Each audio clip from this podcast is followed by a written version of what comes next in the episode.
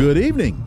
Welcome to the Critical Hour. We're coming to you from the capital of the United States of America, Washington, D.C., here on Radio Sputnik. I'm your host, political scientist, author, and nationally syndicated columnist Dr. Wilmer Leon, and I'm joined here by my co host, political analyst Garland Nixon. Thank you, Wilmer. For the next two hours, we will explore and analyze the salient news stories that are impacting the global village in which we live.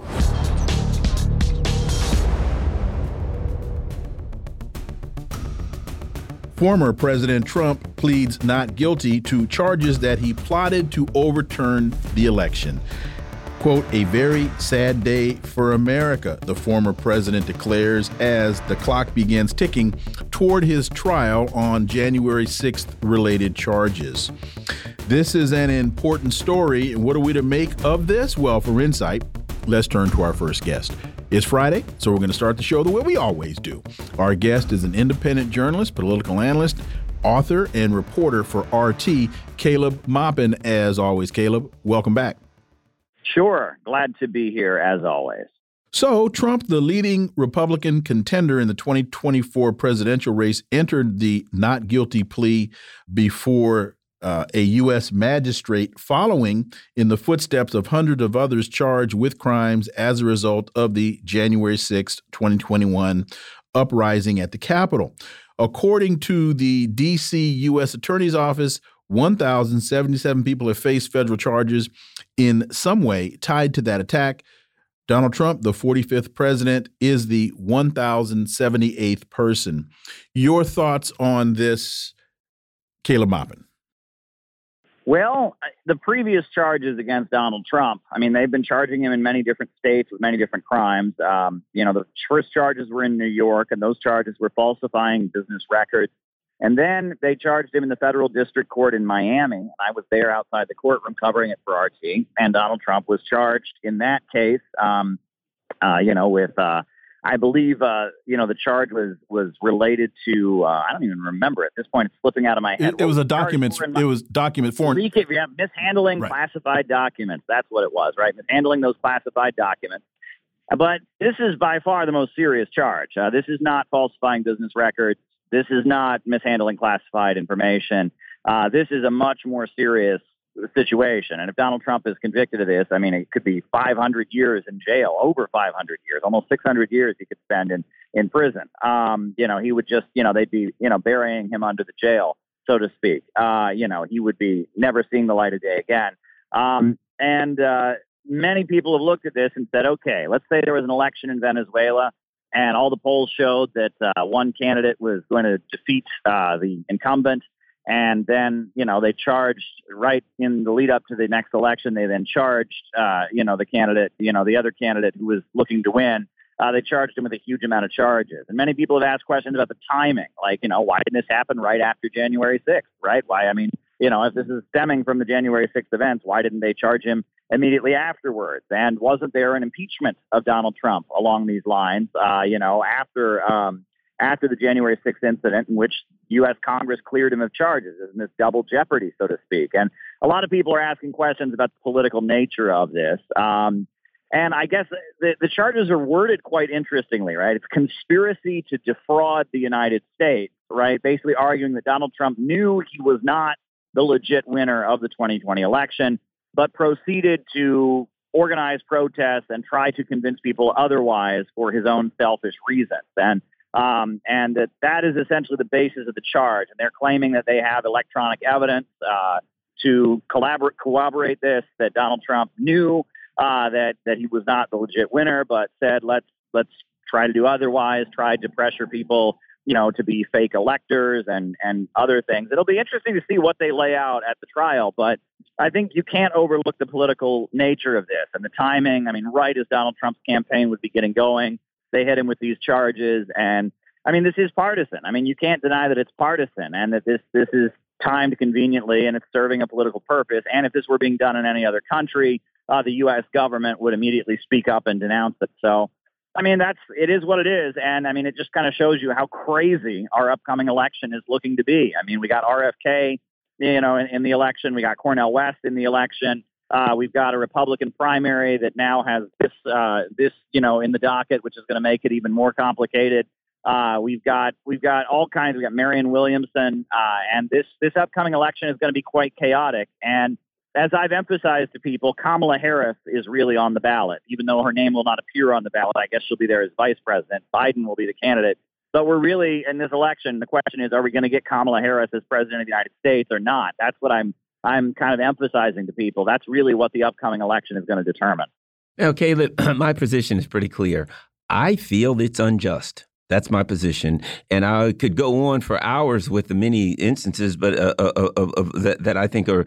Uh, uh, but I'll just give one. Prior to the 2020 election, the FBI had a laptop by Hunter Biden. They had it. They knew it was his. They knew it was valid. They knew everything in it. They knew this is Hunter Biden's laptop and it's extremely damaging. They then went to the social media, Twitter, Facebook, they went to the media behind everyone's back and lied. They said it, they didn't tell them that they had it. What they said was the Russians may come to you and say that there's a laptop with Hunter Biden. Number one, all lies. Number two, it's Russian propaganda. They're trying to interfere with the election, and you must suppress it, and we'll help you. No one was charged. To me, to say that that wasn't, I mean, that's clear and obvious interfere with the interference with the election. No investigation, Nobody gets charged. So you get my point. Now, I could go on and on. John Durham, he found in his investigation that repeatedly the FBI ignored allegations against Hillary Clinton. He actually wrote that and found it. But when it came to Donald Trump, they literally began an investigation against Donald Trump with no legitimate predicate, which implies that there was an illegitimate predicate. I could go on and on. We don't have enough time to talk about those things. In light of those things, when I look at how they kind of had to say, well, I guess we can technically, if he, it's a, it's a violation of the law. If he didn't, if he really knew it was a lie, they got to twist and bend things. In light of those things, I look at it and I say, this is unjust. This is political. This is a country that just simply says we're going to take out the opposition guy and we'll keep charging him until we get him, or just cripple him, or maybe they want him to run, but they want him to be really, really crippled. Uh, your thoughts on all of that, Caleb? Sure. I mean, and the notion that, I mean, Donald Trump, I mean, I'm speaking hypothetically here, but let's say Donald Trump did realize that he lost the election, but he was going to argue anyway that he was somehow the legitimate winner. I mean, isn't that what goes on in courtrooms every day with lawyers? Uh, you know, I mean, isn't that, you know, I mean, many times a lawyer you know, has a client who is guilty of the crime, but their job is to go up and prove that they didn't do it. Right. Uh, that generally is how things work. You know, I mean, in, in legal proceedings, right? I mean, you're trying to advocate for your side, and you may know that the facts are not on your side, but you still try to debunk the other side and win. I mean, that is generally what goes on. And, uh, you know, just saying that Donald Trump knew he was not the legitimate winner of the election, but tried to argue. I mean, again, you know, I mean, I think about sports. Isn't that what a ref, you know, and, and when you're playing, uh, playing basketball or something and the ref makes a call, you argue for your team's position. I, I, you know, again, you can argue about Trump's moral character. Is this honest? Does this show that he's power hungry and desperate? Sure. But uh, is it illegal? Right. That is the question. And, and does him knowing knowing that he wasn't the legitimate uh, uh, candidate winner of the election and saying otherwise, does that make it a crime? I, I, think that's a little bit of a stretch. And then does that then make it conspiracy to defraud the United States? I mean, I'm going to be curious how they lay this out. I mean, there's some creative application of the law, to say the least, in this whole case. And like you said, I mean, we know about the Hunter Biden laptop. No one's been charged for that. Blatant interference, blatant manipulation. So, yeah, I mean, you look at this whole situation, you don't have to be a fan of Donald Trump to admit that something's not right about this whole thing. Switching gears, uh, the Washington Post white Mississippi ex officers plead guilty to torturing two black men. Six former Mississippi law enforcement officers pleaded guilty yesterday to multiple counts of civil rights violations for a January raid in Rankin County, Mississippi, during which they tortured and physically abused two black men. This is according to the Department of Justice. Uh, your thoughts uh, on this, Caleb Maupin? Uh, because what this says to me is no matter how far we think we have come, we are nowhere close to where a lot of people think we are. I mean, I read the details of that case in the Washington Post or article. I mean, it's horrifying. It's just absolutely horrifying. I guess there was a noise complaint. There was a complaint about noise. And so these police officers went into this home and, I mean, went crazy. I mean, you read the details of what they did. It's, I mean, it's shocking. It's probably not even, not even appropriate for the airwaves. I mean, you read it and you think, how could a person even think to treat another person in this kind of disgusting, horrific manner? I mean, it is just just shocking um, that you know the fact that it was police engaging in torture be- behavior. That brings to mind the case of John Burge, uh, you know, in Chicago, who was you know using electric shocks to extract confessions from people to crimes. Um, there are other cases that you know have been highlighted around the country where we see similar behavior, and it just kind of reveals that uh, you know when you give people a uniform, when you give people a gun, there's that whole infamous Zimbardo prison study uh, you know, that it creates a dynamic uh, between people that, that allows the human mind to go to a very dark place and think about harming other people in ways that would not occur to a rational, sane person.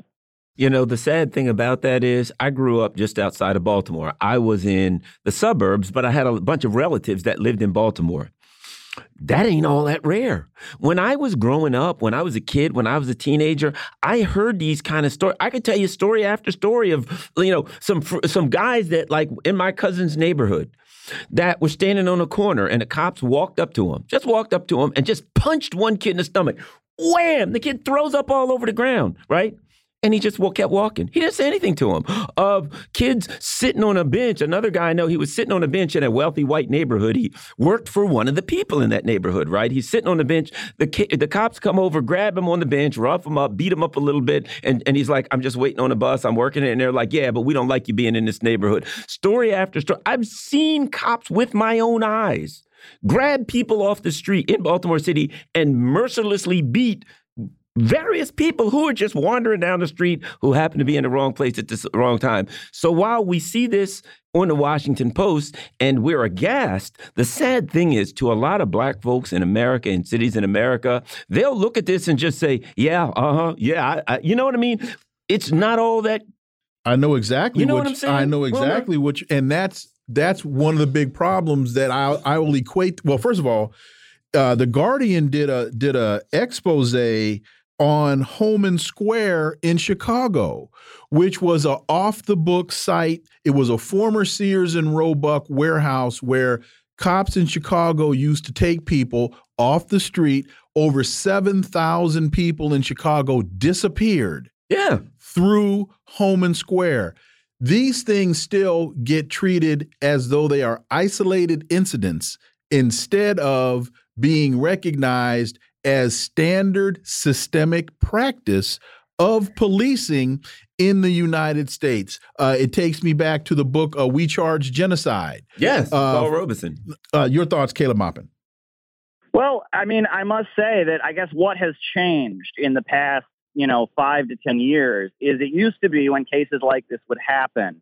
Uh, you know, the standard thing from you know Republicans and Democrats and most of the American establishment was to, you know, kind of smirk and say, well, how do we know that's really true? And how do we know, uh, do you really believe the victim here? Maybe they were arrested for weed at one point. I don't know, eh, you know, and there used to be a complete lack of interest and cynicism on the part of the American establishment to stories like this. Um, and uh, what has changed is as a result of the Black Lives Matter protests, the Ferguson uprising, what happened in Baltimore in 2015, and and as a result of, of wide ranging efforts by lots of people to change the conversation around this, which is, I think, largely related to divisions in the ruling class and, and you know, kind of, you know, the fight between Obama and the Trump wing of the establishment. And all of this has led to a situation where we now widely acknowledge that these things go on. And it is, you know, in among the political establishment, even among conservatives, uh, it is standard to denounce and express outrage about this kind of thing. And that's certainly an improvement, I would say, in the consciousness of the public over the way it used to be. Because I remember how it used to be in college. You know, I would I was working with uh, you know with with the political group I was with, and we worked with an organization in Cleveland called Black on Black Crime Incorporated. And I would go to court with you know you know police brutality victims, and I would tell people at my university about what was happening, what the Cleveland Police Department was doing in Collinwood neighborhood and East Cleveland and other places. And there was just this constant, no, that can't possibly be true. That's not the case. You have to have the facts wrong. These things don't happen. Well, now basically all of society acknowledges that these kind of things do happen, expresses outrage about it.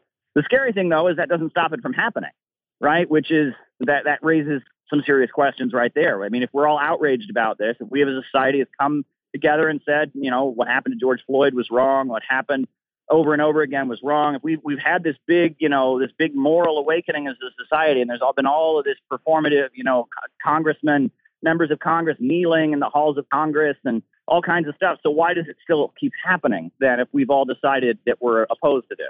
Oh, hey Wilmer, real quick. Um, when Freddie Gray ran, when the cops came up, mm -hmm. and a lot of white people were like, "Why did he run if he didn't commit a crime?" And all the black folks was like, Really? that ain't going to stop you from getting a butt whooping because you ain't commit a crime. He ran because he was smart. and if you remember that video that they that they really they stopped showing the beginning of it, they broke his neck on the takedown. Yes, they did. Because there was a you hear the audio of this young woman say, what are you doing to, as they're dragging him to the van and his legs are just limp behind him? and they him? look weird. One of them was like sticking in one direction. He was you, already messed You up. hear this woman say, "What are you all doing to that boy? Can't you see his legs yes. is broke?" Yep. Final point, Caleb, as you were just this Homan Square story that was in the Guardian. That story came out in 2015. And if you ask a hundred people about Homan Square, most of them would know nothing about it. We have one minute left. I thought this expose from The Guardian would bring about serious attention. It seems to have fallen upon deaf ears. We got 45 seconds, Caleb.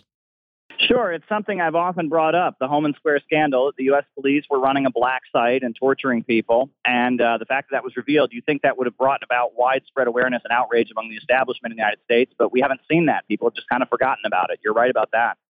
Caleb Maupin, as always, thank you so much for your time. Greatly, greatly appreciate that analysis, and enjoy your weekend. And we look forward to having you back. Absolutely. Talk to you soon. Take care, folks. You are listening to the Critical Hour on Radio Sputnik. I'm Wilmer Leon. I'm joined here by my co host, Garland Nixon.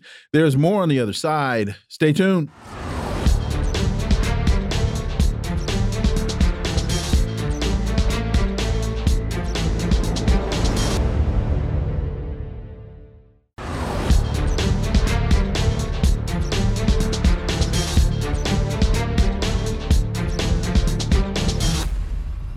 We are back, and you're listening to the Critical Hour on Radio Sputnik. I'm Wilmer Leon, joined here by my co host, Garland Nixon. Thank you, Wilmer.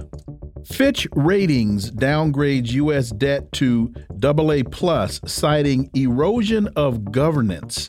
Fitch, one of the top three credit rating agencies in the U.S., stripped the U.S. sovereign debt of the top tier grade, cutting it from AAA to AA plus on August 1st. The decision comes due to an quote erosion of governance end quote and growing government debt load. Fitch explained. For insight into this let's turn to our next guest. He's professor of economics emeritus at UMass Amherst and a visiting professor in the graduate program in international affairs of the New School University in New York. He's also a co founder and active contributor of his nonprofit Democracy at Work. Dr. Richard Wolff, as always, welcome back.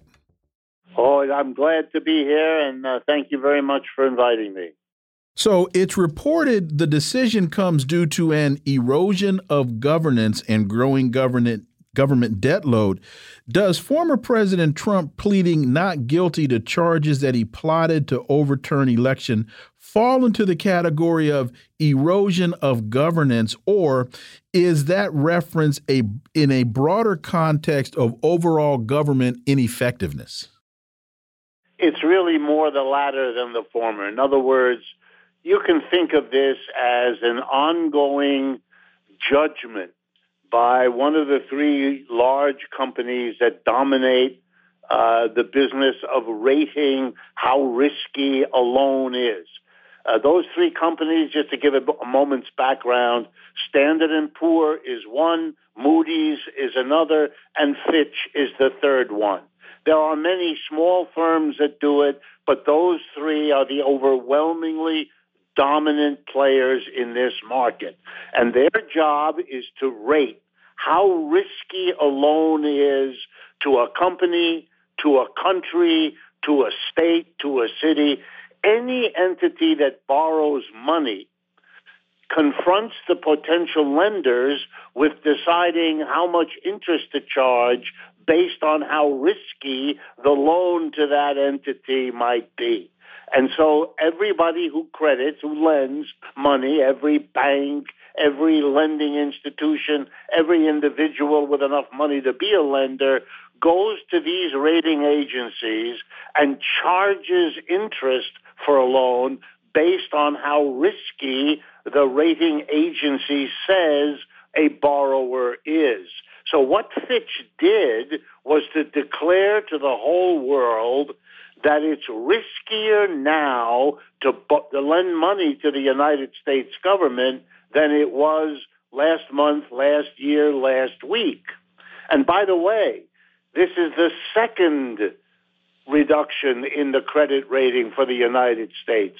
The highest credit rating, which many countries have, is AAA plus. plus, and it was reduced. U.S. used to have that. The U.S. lost it a few years ago when it went from AAA plus to AAA. So this is the second reduction from AAA to AA plus. Those are the steps in the process. So you should think of this as a longer term decline in the credit worthiness of the United States. And that is very serious business. The Fitch Company wouldn't dare do such a thing if the situation weren't bad. Why? Because the United States is one of the biggest uh, economic and political powers in the world. Because the United States is the world's single largest debtor country. So what their Fitch has said to the world is the biggest debtor in this world, on this planet, is now a riskier bet to lend money to than it used to be. That's not just a comment on the United States. That's a comment on a world economy, number one. Number two, it is a statement not so much about what uh, Donald Trump pled in court yesterday, but it's more of, think of it this way. This is a country that now looks like there's a reasonable chance that a man who the world thought was the weirdest imaginable leader of the United States is now going to come back and do it all again.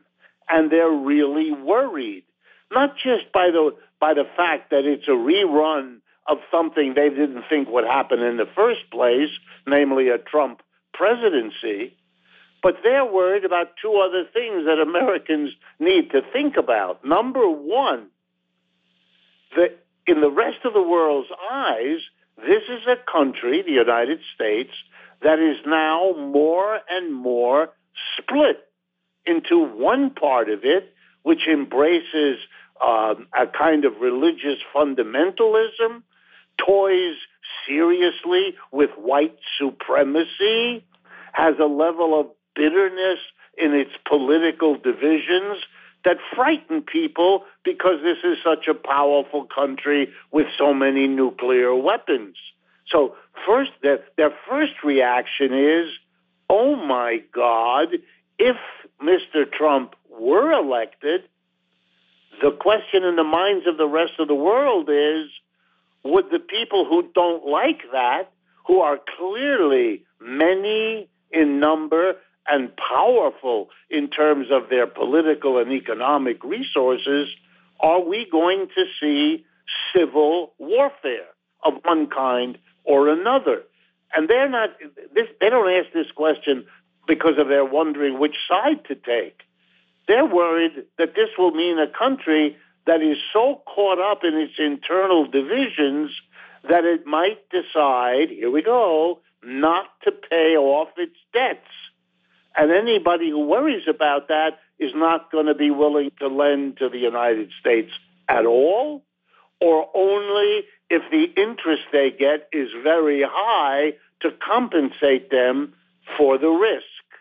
And the second big worry they have, as if the first one weren't enough, is the fact that Mr. Trump will be, if he wins, in his second term.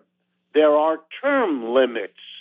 He, therefore, will probably not be held back by worrying about getting reelected.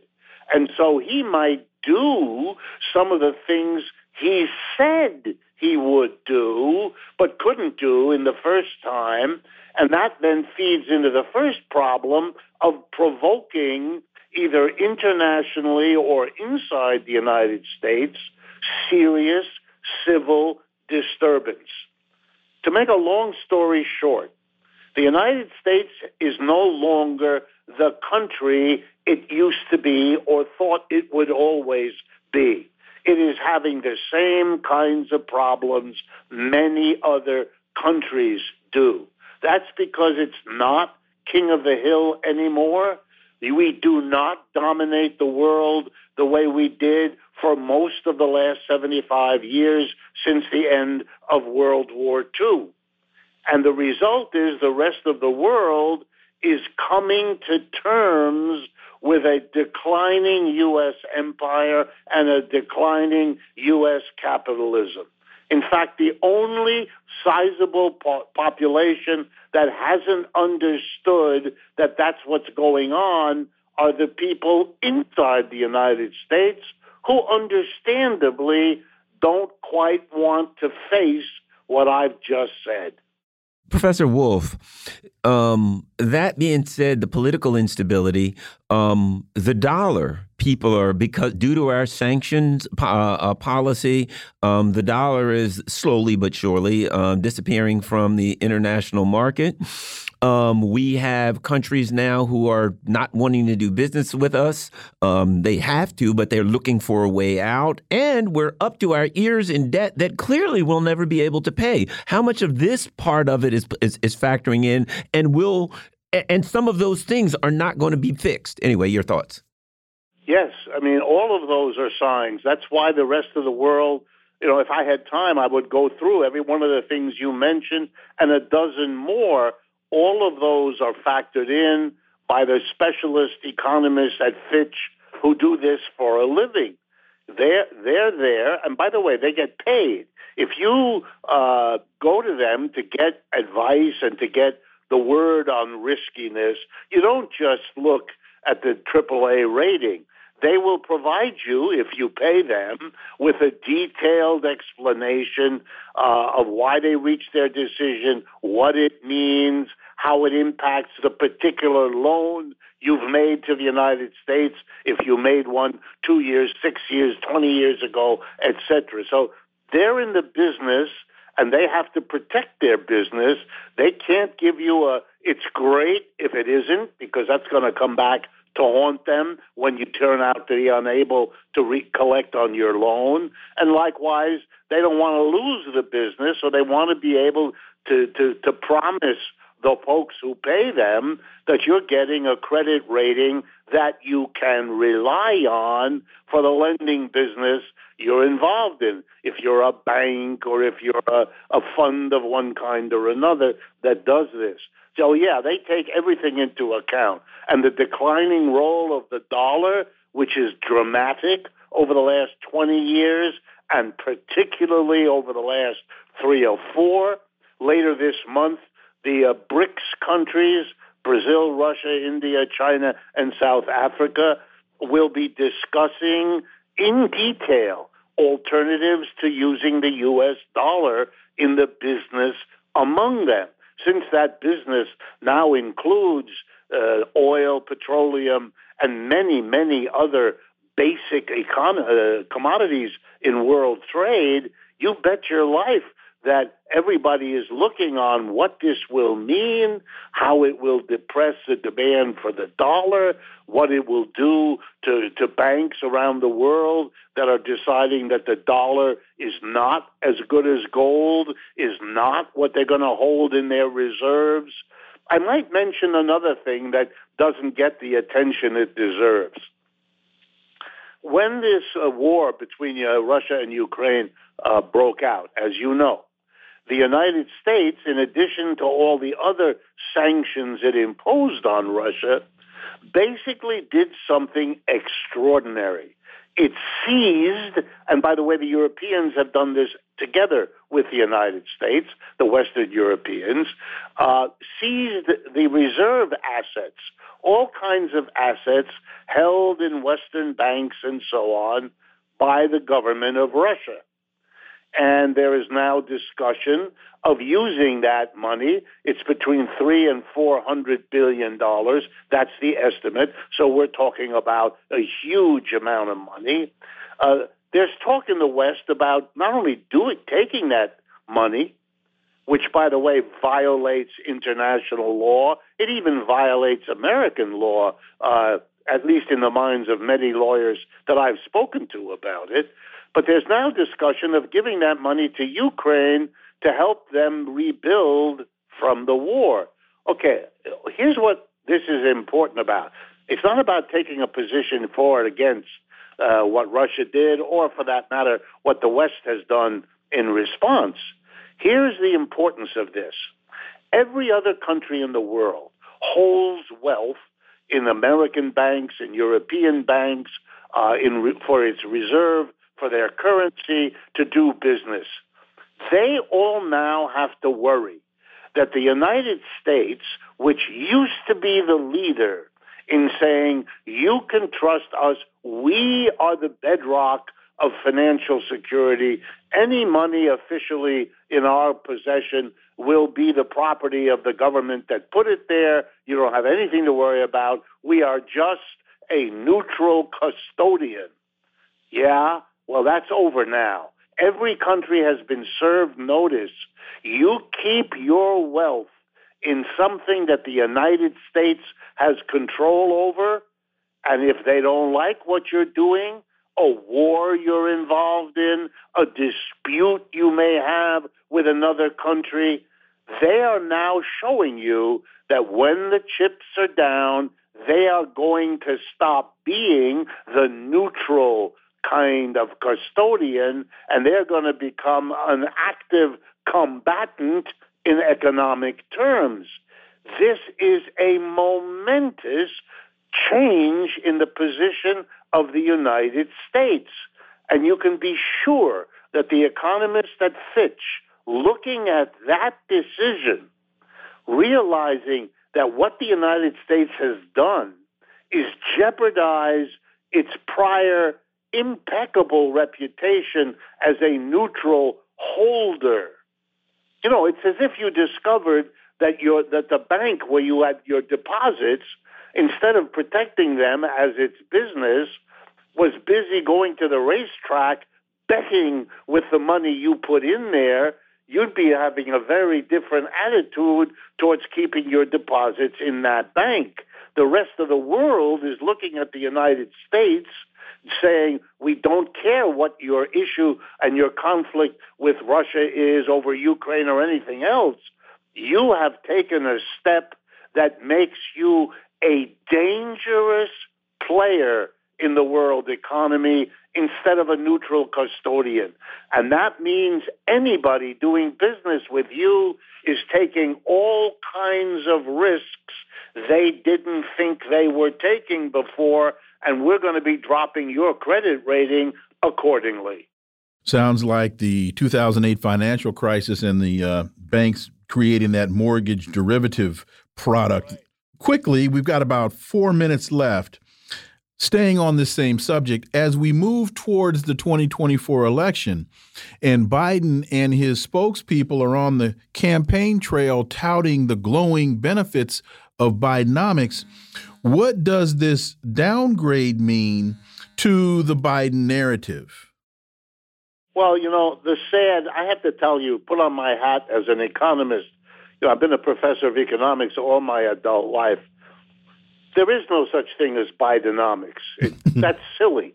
That's just branding.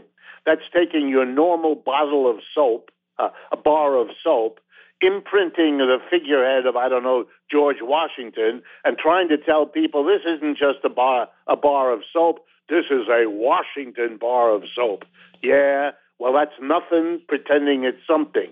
Uh, that's also Bidenomics. It's nothing. It's conventional Democratic Party borrowing tons of money, spending tons of money, trying to tell people it's good for all of you when the people who really benefit are the big companies that get most of that money. Let me remind you, if we do infrastructure rebuilding in America, that's our money, our tax money, going to the biggest corporations in America. Those are the ones that build the roads and rebuild the harbors and lay the cable and all the rest of it. And they're going to use that money the way they always do give it most of it to their shareholders, to their top executives. Nothing in America is going to change.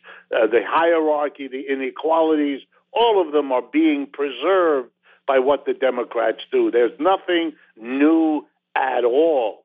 But here's the reality. While the Republicans and Democrats do what they always did, they're doing it in an economy that is not the way it was. And therefore, they're going to fail on a very large scale. Let me remind you Trump was going to make a trade war with China. Where did that go? Nowhere. Trump was going to hit China with tariffs, and that was going to change everything. You know what it did? It changed nothing. And Mr. Biden's proposals are more of this sort of flim flam. It's great when you're on the campaign trail. It raises the hopes of people and maybe they'll vote for you. But in terms of a real acceptance and acknowledgement of what the truth is, the problems of this economy, the strengths, but also the weaknesses, Biden is just like Trump, tells his story, talks about all the good news, hides all the bad news, and makes it up when he has to to get across the rough patches. This downturn in the in the rating, how does that impact the narrative? How does that impact Biden's narrative? I noticed over the last two days that the Democrats have come back with two ways of dealing with it. One of them is to pretend it didn't happen to kind of minimize anything having to do with it. And the second, which is gay, which is silly, right? The second one is even worse. I've I've seen even people I admire, like Robert Reich, talk about how well there's a distance you see between what the average person who says the economy is in trouble, what they believe, and what the government and the statistics tell us. The answer to that is shame on you. The mass of people are being insulted by you.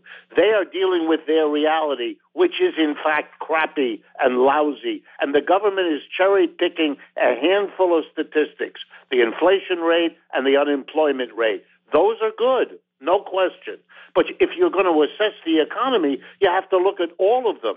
The level of debt, horrible. The level of inequality, worse than horrible. The credit worthiness of the United States, just been indicated to be horrible. That has to be faced instead of drowning everybody in endlessly repeating how good the economy is when every public poll tells you that the mass of Americans don't see it that way. And what are you going to do? Dismiss them all as stupid? And you few uh, people circulating around Mr. Biden, you're the clairvoyants who see it all. It's not credible. And after all this time, thank you for clarifying uh, Bidenomics, because I sure thought while you were at Harvard, I thought you studied Biden. You and Janet Yellen were sitting next to each other in class, and I thought you all studied Bidenomics. I appreciate you making that clarification. Thank you. All right, sir. My pleasure. Professor Richard Wolff, as always, thank you so much for your time. Greatly, greatly appreciate it. Enjoy your weekend, and we look forward to having you back. Thank you. I do too. Folks, you're listening to the Critical Hour on Radio Sputnik. I'm Wilmer Leon. I'm joined here by my co host, Garland Nixon. There's more on the other side. Stay tuned.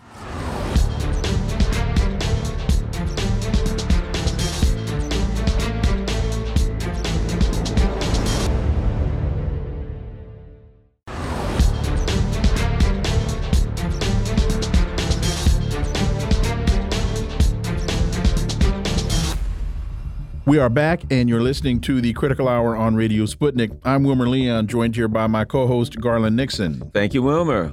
Al Jazeera reports pro coup protests continue in Niger as Biden urges Bazoum release.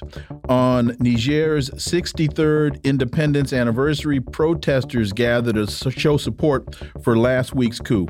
Hundreds of people backing last week's removal of Niger's democratically elected president, Mohamed Bazoum, by his presidential guard have gathered for a mass rally in the capital, uh, Niamey, with some brandishing giant Russian flags.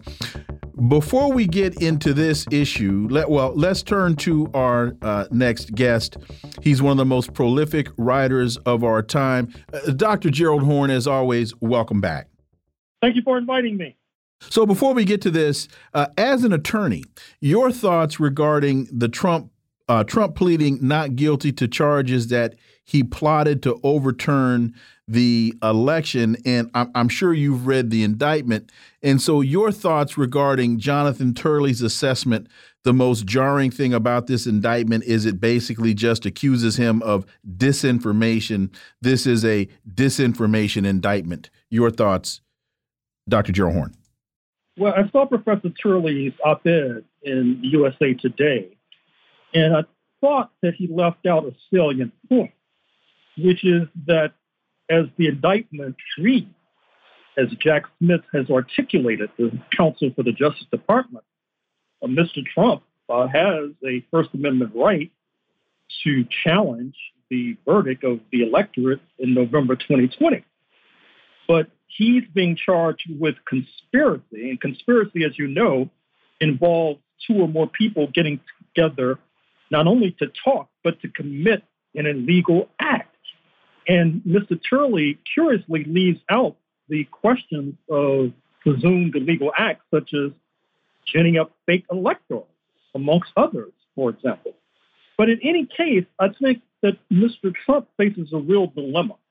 He faces a real dilemma because, unlike the other Jack Smith case in Florida, in Fort Pierce, where the jury presumably will be studded with his supporters, and the judge, Judge Cannon, has made previous rulings in favor of Mr. Trump, some of which have been overturned by higher courts, uh, studded with uh, Trump judicial appointees. Whereas in Washington, D.C., where this current case is unfolding, because of a significant anti gentrification movement, it's fair to say that the jury in Washington, which is not a pro Republican Party town, that is to say, in terms of the residents, it will be studied with black jurors, uh, for example.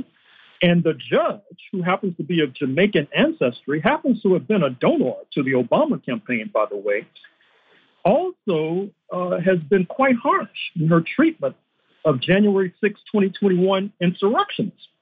So Mr. Trump faces an uphill climb in Washington, but that's not the end of the story because we cannot rule out the possibility that Mr. Trump will actually be elected in November 2024, not least because of the problems that Mr. Biden is facing, illustrated by the closed congressional hearing where Hunter Biden's former business partner, partner Devon Archer, testified.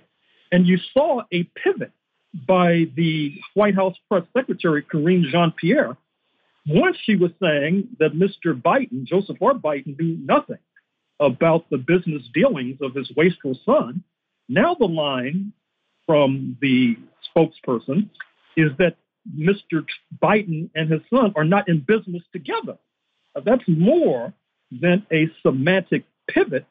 That is a substantive move away, suggesting that the previous line was probably false, which has been indicated by Mr. Archer's testimony at the closed congressional hearing uh, based on the transcript that is, that uh, on almost two dozen occasions, uh, Hunter Biden put Joseph R. Biden on speakerphone when they were having business meetings with business persons from Ukraine and China and elsewhere, uh, seeming to suggest that Mr. Biden, Joseph R. Biden, was witting uh, about the dealings of his son.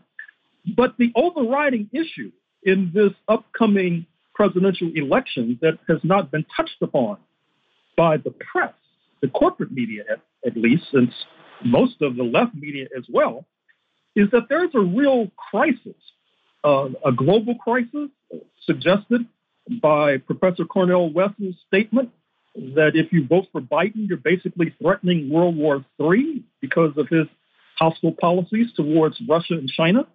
And of course, there's the domestic crisis, and Mr. West, Dr. West, has spoken to that, suggesting that a vote for Mr. Trump is a vote for civil war. Because you should take seriously these ultra rightists who are backing Mr. Trump. You should not see it as an irrelevant detail that Mr. Trump got 75 million votes in November 2020, despite all of his transgressions, nor should you see it as an irrelevant detail that uh, of that 75 million, uh, perhaps 72, 73 million uh, were Euro American because there is a crisis of white supremacy, not only globally, it's represented by the challenge from People's Republic of China, but also you see this and pay attention to this remark.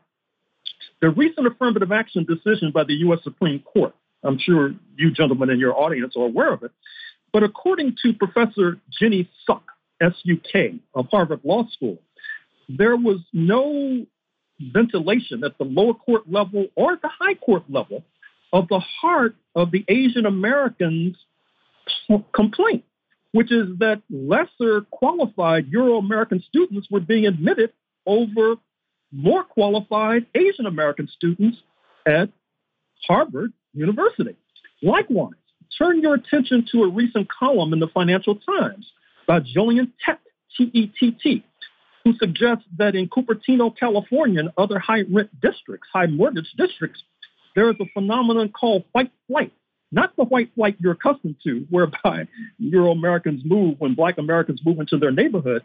This is a white flight by white parents who are terrified by the prospect of little Johnny and little Jennifer not measuring up to Asian American students in high schools and therefore not winding up in the top 10 of, of the graduating class.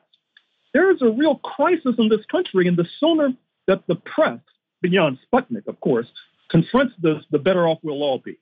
On Niger's 63rd independence anniversary, protests protesters gathered to show support for last week's coup. Interesting, we're seeing coups in West Africa, but Africa, but pro-Western coups that are supported by the people. A dangerous situation in West Africa. Your thoughts, Dr. Horne? Quite dangerous. Uh, quite dangerous. In fact, uh, let's hold our breath until Sunday or Monday because the Economic Community of West African States, which I'm afraid to say is operating as a sort of sock puppet for the North Atlantic nations, has threatened a military intervention in Niger as of Sunday or Monday. Let's hope that that was just loose talk and not serious. In any case, they backed that up by cutting electricity. That is to say, Nigeria has cut electricity into Niger, which is causing all manner of problems. Interestingly enough, the president who has been detained, that was the trigger for this coup, President Bazoum, he's not uh, in all, he's not altogether being detained. You saw him in Washington Post this morning, he had an op-ed. I mean, I don't, I don't know about the folks in Niger in, in terms of the security they have around him. Supposedly, he's making phone calls all over the world like a lovesick teenager. So um, this is a, a this is a, a, a, coup of a new type, if you like. And, and speaking of President Bazoum, also the press has not happened to notice that President Bazoum is from a, a, minority ethnic group. It's obvious as the nose on his face. He is of Arab descent, whereas that is not the case for the bulk of the population, certainly the military that pulled off the coup. And speaking of the military, there are fissures there that the North Atlantic countries will seek to take advantage of. Recall that a few days ago, when this coup was engineered, it was by Mr. Bazoum's security, the presidential guard. The military initially said they did not want to get involved or they were not involved, but then they were dragged into this. And so you will see an effort to play up on that contradiction by uh, Nigeria and the other forces poised to intervene. And speaking of contradictions, let us not neglect the contradictions between the United States and France. Interestingly enough, uh, as of the time of our conversation, the United States ha has been less hostile uh, to this coup than France. And I'm not saying that they're supportive, but what I suspect is that Washington, is, as usual, is playing a double game. Uh, that is to say, that uh, on the one hand, it's supportive of its so called French allies, uh, but on the other hand, uh, if a deal can be cut with the soldiers in Niger, uh, they are willing to do so. And I'm sure France is well aware of that as well, because this is a crisis magnified by the point that neighboring countries, particularly Mali and Burkina Faso, have threatened that if there is a military intervention, uh, they will intervene on the side of the military in Niger. And then there's Algeria, uh, which is something of a wild card. It is a, a border mate of Niger. In fact, Niger could fairly be said to be in the heart of Africa. It's bordered not only by eight countries, but such giants as Nigeria and Algeria. And Algeria is totally uncomfortable, I, I can assure you, by the fact that there are French troops in the hundreds, perhaps 1,500, now stationed in Niger, accompanied by U.S. forces, German forces, Canadian forces.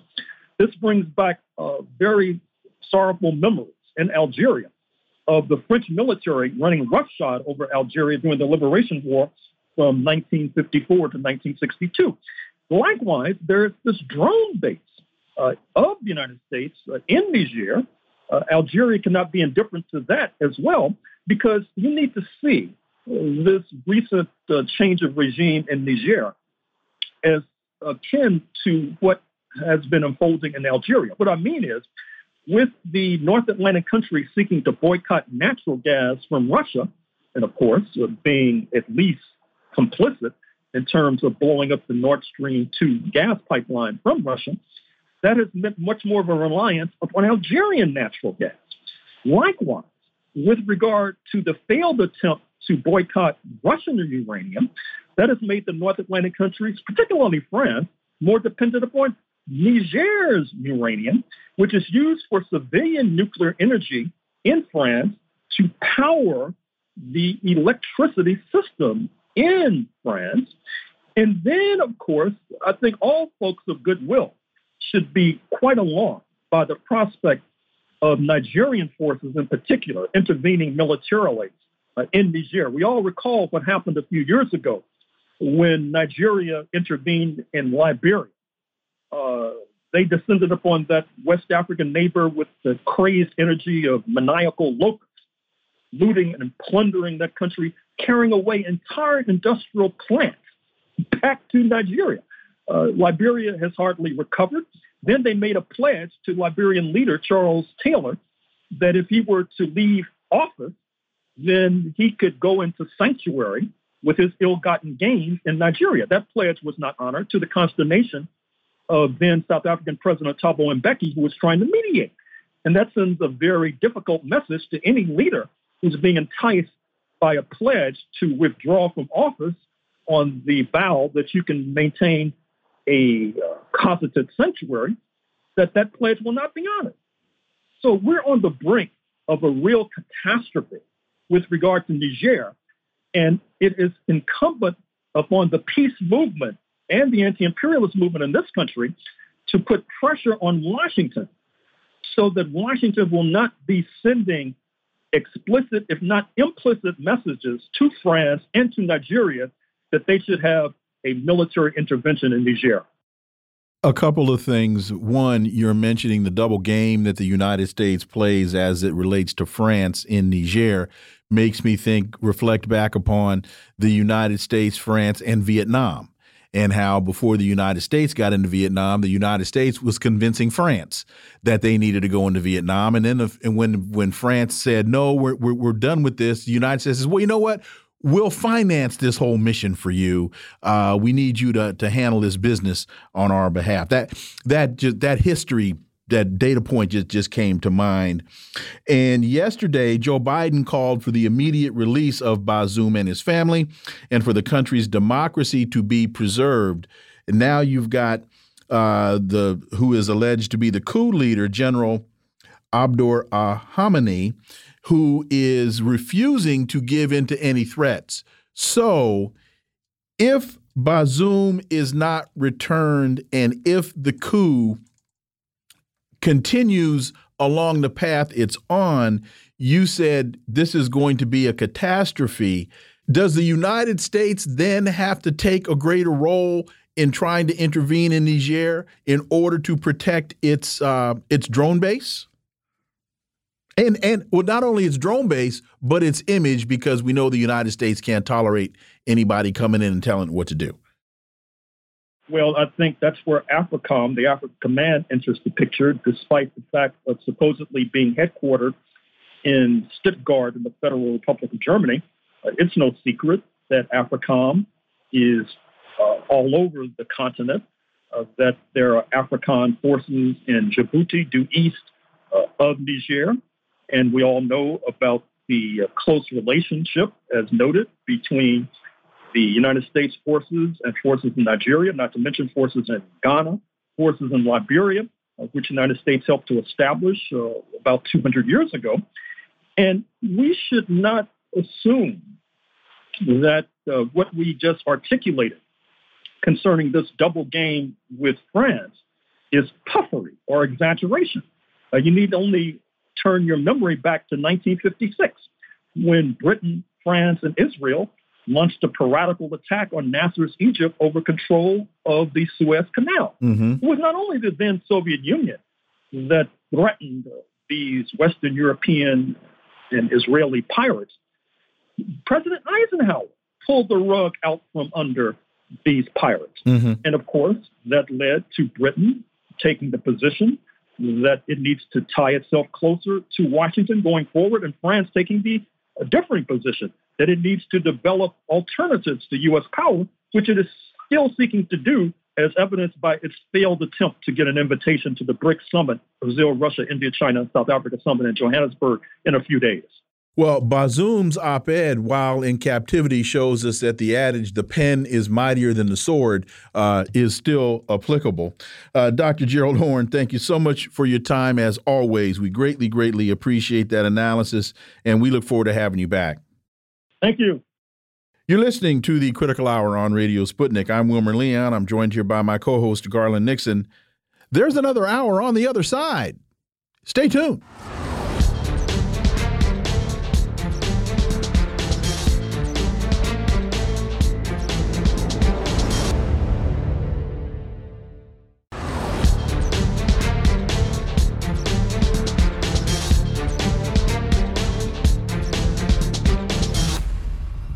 We are back, and you're listening to the Critical Hour on Radio Sputnik. I'm Wilmer Leon, joined here by my co host, Garland Nixon. Thank you, Wilmer. As you all are now aware, Trump has pled not guilty to charges that he plotted to overturn the election. He says it's a very sad day for America as the clock begins ticking toward his trial on January 6th related charges. For insight into this, let's turn to our first panel. It's Friday, so that means it's panel time, and we're joined by the co editor editor of Popular Resistance, Dr. Margaret Flowers. As always, Margaret, welcome back. Thank you. It's wonderful to be with you. We're also joined by the chair of the coordinating committee of the Black Alliance for Peace and contributing columnist for the Black Agenda Report and Green Party candidate for Vice President of the United States in 2016, Ajamu Baraka. As always, welcome back. Good to be here. Thank you. So let me start with you, uh, Dr. Margaret Flowers. Your thoughts on uh, the not guilty plea yesterday that former President Trump entered in D.C. Uh, District Court? Right. Yeah. Well, I mean, it's not surprising, but I think my first thought when I look at this uh, indictment of Trump is that I wish we had more of this.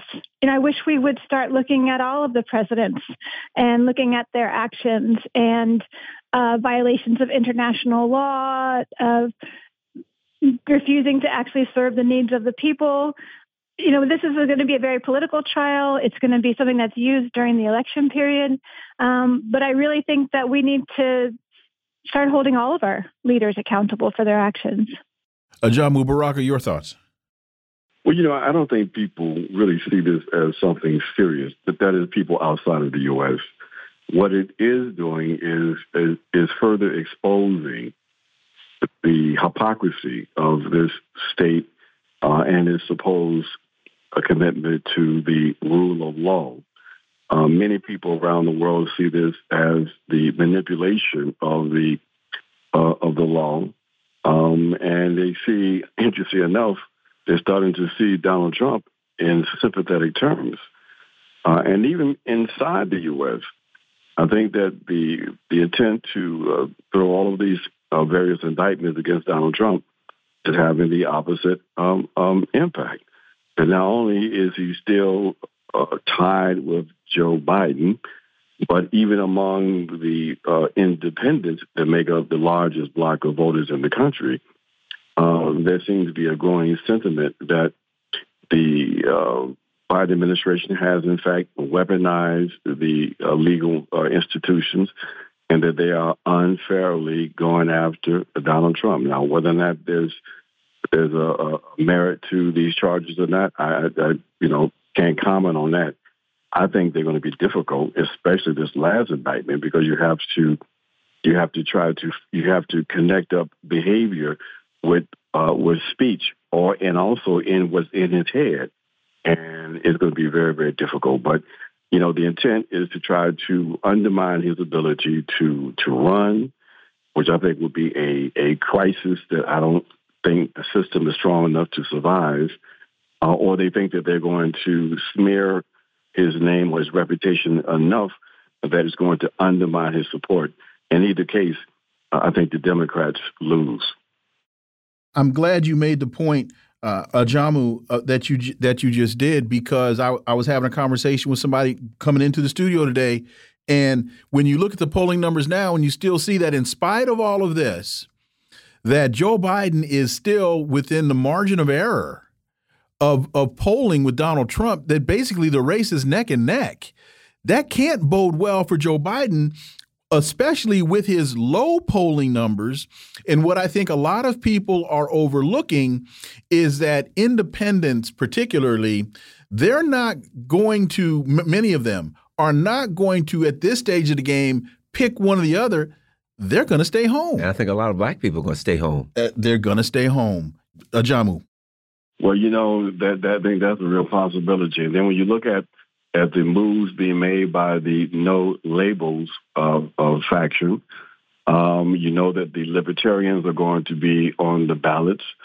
Um, you you wonder just what may happen in terms of a plurality connected to this Cornel West campaign. So 2024 is going to be a uh, a key a key year for whatever emerges as uh, a U.S. Uh, democratic process. If Trump is is not allowed to run, I think that the issue of the legitimacy of the election will be front and center, and I just don't see uh, I don't see the U.S. surviving in the same way uh, after 2020, 24. I know that sounds dramatic, but I just how I see it. Margaret, if I could add this, it seems to me that they're scared to death of Cornel West. They're going after him. They're attacking him. I'm reading articles that say, you know, Cornel West um, uh, could steal the black votes from Biden, and he's going to make Trump win, uh, win, and all that kinds of stuff. Um, your thoughts on that? Yeah, I mean, I think that the Democrats are frightened, and you know, look at what Alexandria Ocasio Cortez is, you know, criticizing him too, and how it's you know a slim margin, and Cornel is going to take that away from Biden, and as if the Democrats own the votes and uh, they can be stolen from them. Uh, but yeah, I mean, the the Democrats. This is you know typical for them. They don't take actions that actually are in the interests of their voters. And then they get upset when their voters start looking at alternatives. They're frightened when anybody challenges them on the issues. Uh, so this is pretty typical for, for candidates, even insurgent candidates within the Democratic Party. You know, they're all treated the same way by the establishment. Ajamu, Haiti Liberté reports cynical game of the imperialists All the attempts used by the United States to convince either Canada or certain CARICOM countries to lead a Haitian occupation failed. It was poor Kenya who volunteered, according to the split propaganda, to sell this project. And Ajamu, we've been talking about this Haitian imperialist invasion, and now we have Niger. And yesterday, President Biden called for the immediate release of President Bazoum and his family, and for the country's democracy to be preserved. But uh, the leader of the coup, General Abdor Ahamame Mane, remained defiant, saying he refuses to give in to any threats wherever they come from. Ajamu Baraka? Well, you know, this is again, I think one of the things that is happening with these various crises that are emerging uh, is again the exposure of the hypocrisy of the U.S. And here they they pretend to be concerned about the democratic uh, expression of the people of Niger, uh, while simultaneously simultaneously they have seven thousand U.S. Uh, troops now in Peru propping up a coup government. So these kinds of contradictions are becoming more and more uh, apparent to people around the world. The only place that we have to help people to understand the contradictions is in the United States uh, of America. But uh, they are setting up a, a scenario for some type of, of intervention. Uh, they have drawn the line, that is the U.S. and France, uh, in uh, Niger um, the French, of course, are very concerned because they have been kicked out of a couple of countries th- thus far and stand to be kicked out of uh, Niger also. Um, and so, with the, the common interest that they have between themselves, that is the French and the U.S., that has substantial investment in in that country, especially with its major drone base, uh, they've decided to uh, to draw the line.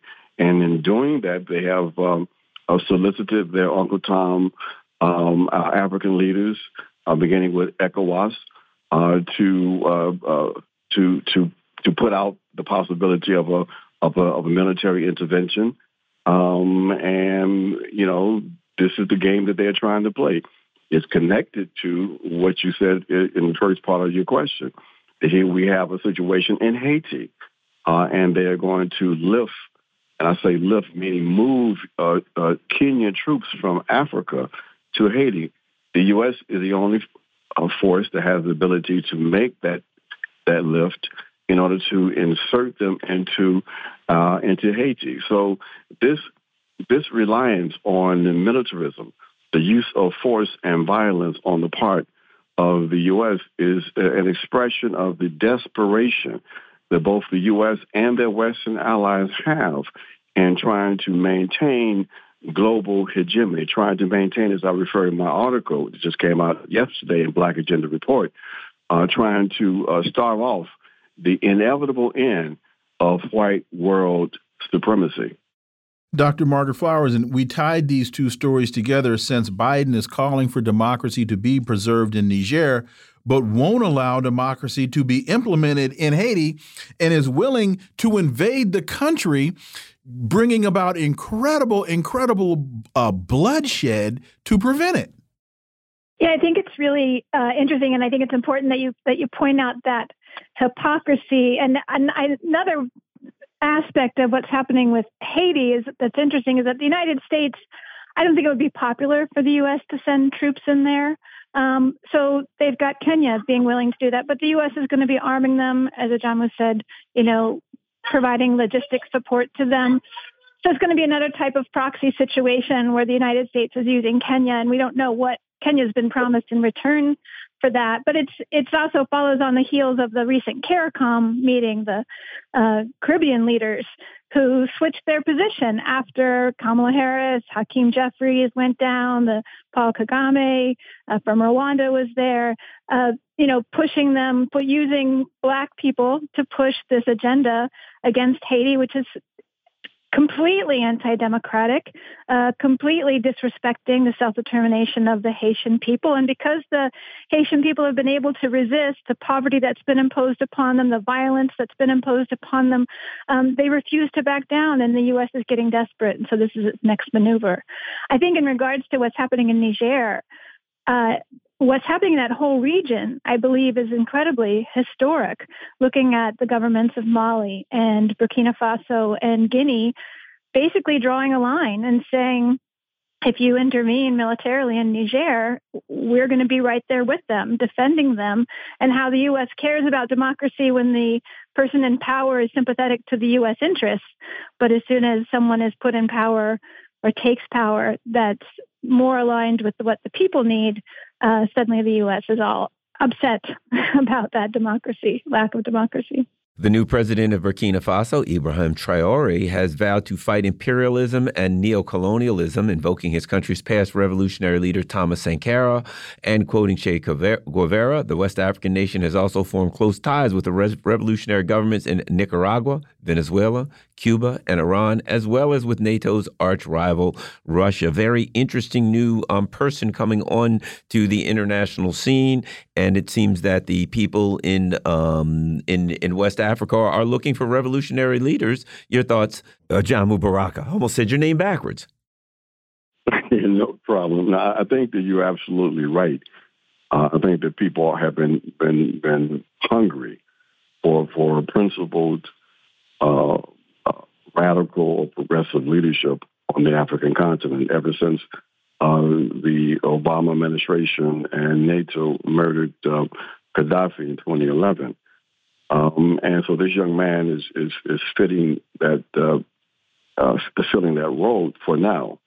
Uh, it's a very dangerous situation, though. I mean, you know, you have uh, the sentiments being expressed by the leader uh, around you know a new kind of, of dispensation of politics and, and, power in the country. Uh, but you also have to be very cognizant of what is happening on the ground. And there seems to be significant public support for now. Uh, but we also know that there are reactionary elements in all of these various countries. Uh, and it is those elements that imperialism will attempt to try to maneuver uh, to uh, to be in opposition. Uh, so it's still a very volatile situation, but it does, I think, reflect the the potentiality for more radical politics uh, on the African continent. There's questions about, you know, the modality for change in terms of um, the, the military versus uh, bottom up, uh, uh, you know, grassroots kinds of, of organizing. Uh, and that's a good conversation and something that I think is going to happen and be even more intense as a consequence of the um, of the events over the last uh, year or so on the African continent. Margaret, and um, to, to, to kind of uh, uh, go off of what uh, uh Jamu said, there it's certainly the most uh, uh, desired revolutionary change is through peaceful means and grassroots struggle. But some, but in history, there have been instances where armed struggle, such as you know, we could go on and on, were the only way out. And sometimes when you're dealing against a, a vicious and violent and brutal um, adversary, you know, it takes the military leaders and military actions. At any rate, your thoughts, Margaret? Yeah, I mean, certainly we would much prefer seeing these types of changes happen peacefully through social movements being able to exert their pressure and the leadership being willing to to listen. I think it's interesting because in Nigeria, uh, you know, a close neighbor, uh, they were they started a national strike yesterday uh, against their new president Tinubu, and uh, and that actually had an impact where he met with some of the labor leaders and made some commitments. Now we'll see if if they can hold them him to those commitments. But you're right. There are some situations where you try and you try and you try, and, and those don't succeed. I think of the Palestinians and the and the resistance you know, that's evolving there in a way where they really have to defend their lives. Um, and so we're seeing more violence coming from the Palestinian side, justified because they're being colonized and murdered. Uh, but yeah, I mean, it, there are times when you try and you try and that doesn't succeed. And this is another option, another tool in the toolbox. Ajamu, talk a little bit about people I think have have gotten confused because they understand that a lot of these African countries were former colonies of France, of Belgium, and they all they achieved their freedom, but it wasn't true independence. It was, in many regards, political independence, and at the surface, be political independence, but it wasn't economic independence. And so now what we're seeing in a lot of these countries is kind of you might call it the second wave now fighting neo-colonialism because they got flag independence but they never controlled their economies and now what they are saying in for in Niger for example is we you've taken all of our uh, resources and we are still living here as slaves they want to control the uh, all that go the dynamics within their borders Ajamu? Well, I think what you are getting at is exactly what is unfolding. That what we have is a continuation of the struggle for authentic national liberation.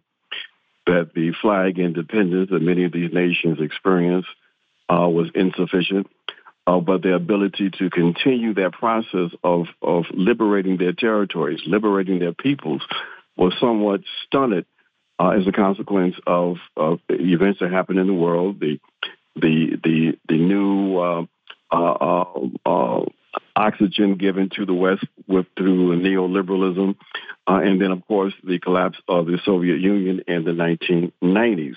Uh, so it wasn't until these present conditions, uh, with the the shift in the balance of forces away from the West, that this pent up resistance is now being able to flourish, is being able to be expressed. And so the process of, of, of national liberation, uh, of, of, of moving, up, uh, developing a project in which you can actually uh, address the uh, objective material needs of your people. Uh, and then you can respond to the demands of your people for education, for health care, etc.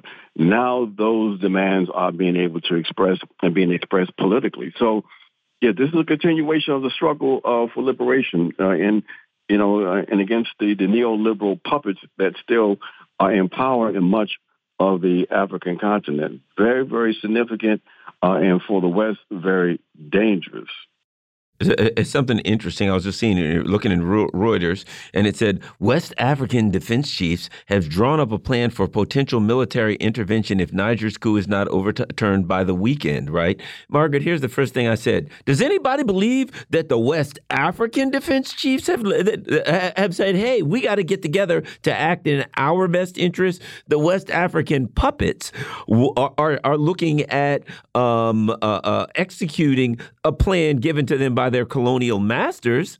But Biden's, when I look at the Biden people right now, they're looking at interview, they want to invade Haiti. They've got the Ukraine thing going on. They've just sent another $345 million in weapons to Taiwan. And they've just announced that they may be putting um, uh, uh, soldiers, uh, military personnel on commercial ships in the Persian Gulf because of, of, of Iran. And I, oh, did I mention, let's see, a nuclear a sub full of nuclear weapons in South Korea, and now they're talking about another war in Africa. I, I got to go to Margaret because if I start talking about all the mayhem that these people are creating, the segment will be over. But wait a minute, Garland, you didn't know that Tony Blinken was not only the Secretary of State of the United States, but he's also a West African defense uh, minister? You didn't know that? I should have. Oh, I thought. Go ahead, Margaret. Margaret.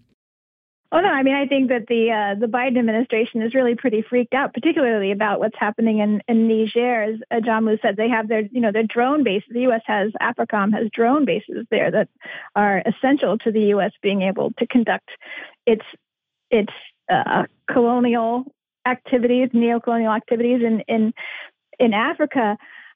I wanted to kind of go back to what Ajamu was talking about because and and and you, uh, Wilmer we had this whole period of decolonization that happened in the mid to late 20th century. And now what there really is happening is this struggle for self-determination, that the people have the right to determine how the resources within their country are used and to be used for their own benefit. And for such a long time, the U.S. held such power that there was, you know, countries were reluctant to stand up to it and to exert their, their sovereignty.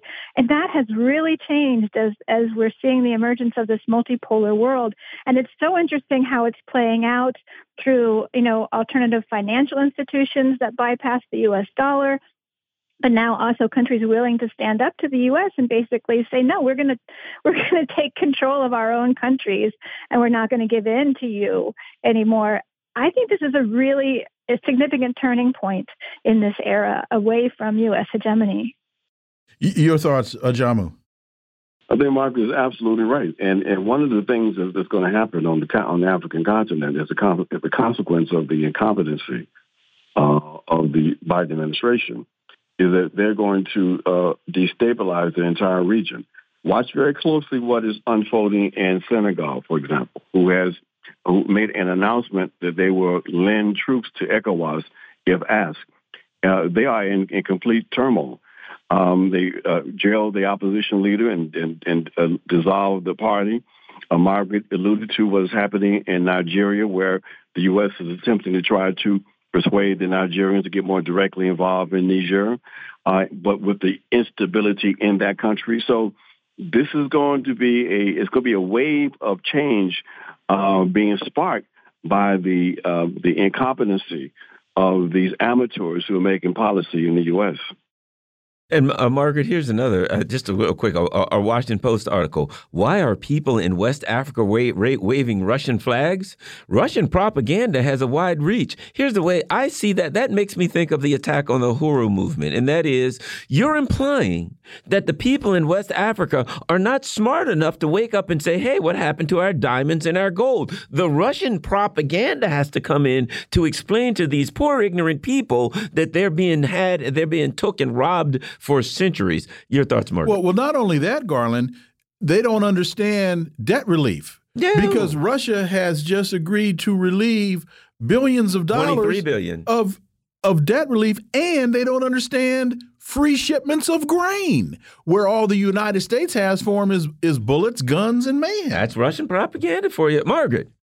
Right. No, I think the timing of this is really interesting because it, it happened right around the African, you know, the Russia Africa summit that just took place in St. Petersburg, uh, where, you know, many leaders of, of African countries met uh, with government, uh, Russian government officials, and they made a number of deals. And African countries have experienced what Western imperialists have done to them. And they now see these alternatives. And again, this is part of the shifting geopolitical power uh, in the world. They look to Russia now as a country that is standing up to the United States and the Western imperialists and NATO. And and so I think that in some way is inspiring to people in countries that have been experienced the ravages of the Western imperialists and are, you know, refusing to take it anymore and are looking for these alternative arrangements to no longer have to rely on aid or products from these Western countries. And Ajamu, your thoughts on the implications of a Washington Post article implying that um, Russian propaganda is the only thing that's leading, that's you know, guiding these um, the the Africans, and particularly in the context of um, the Uhuru movement charges. Racism, basically, um, as you said, the Africans don't have enough sense to know uh, to what their national interests are, uh, to be able to make decisions regarding who they will affiliate with or build coalitions with. And because of that, that that's why the Uhuru Three is facing their indictments. Because of course, uh, they couldn't uh, formulate their own anti-imperialist positions. They had to be influenced by the smart Europeans, or used to be Europeans, that is, uh, in in Russia. So this is this is a par for the course, uh, and something that um, you know it, it, it means that the people making policy in the U.S. are going to continue to make critical errors uh, in their policies vis-a-vis not only Africans but most of the uh, nations in the global South. And Margaret, this this is really uh, the rearing of the Hillary Clinton RussiaGate fiasco and foolishness. That stuff lingers. We got a minute and a half unfortunately, RussiaGate has, you know, created the environment in which this type of indictment against the Uhuru Three can happen because there's such anti-Russian sentiment and this distrust of Russia in this country right now that if you link an organization with Russia, that's really all you have to do for most people. They they don't think beyond that, and that's what they're relying on in this case against the Uhuru Three that that ignores the decades of anti-imperialist, anti-colonial activism that they have done and makes the world believe that they relied on Russia to tell them that they needed to do that. Dr. Margaret Flowers and Ajamu Baraka. Thank you both so much for your time. Greatly, greatly appreciate that analysis, and we look forward to having you back. Thank you. Thank you. Folks, you are listening to the Critical Hour here on Radio Sputnik. I'm Wilmer Leon, joined here by my co host, Garland Nixon. There's more on the other side. Stay tuned.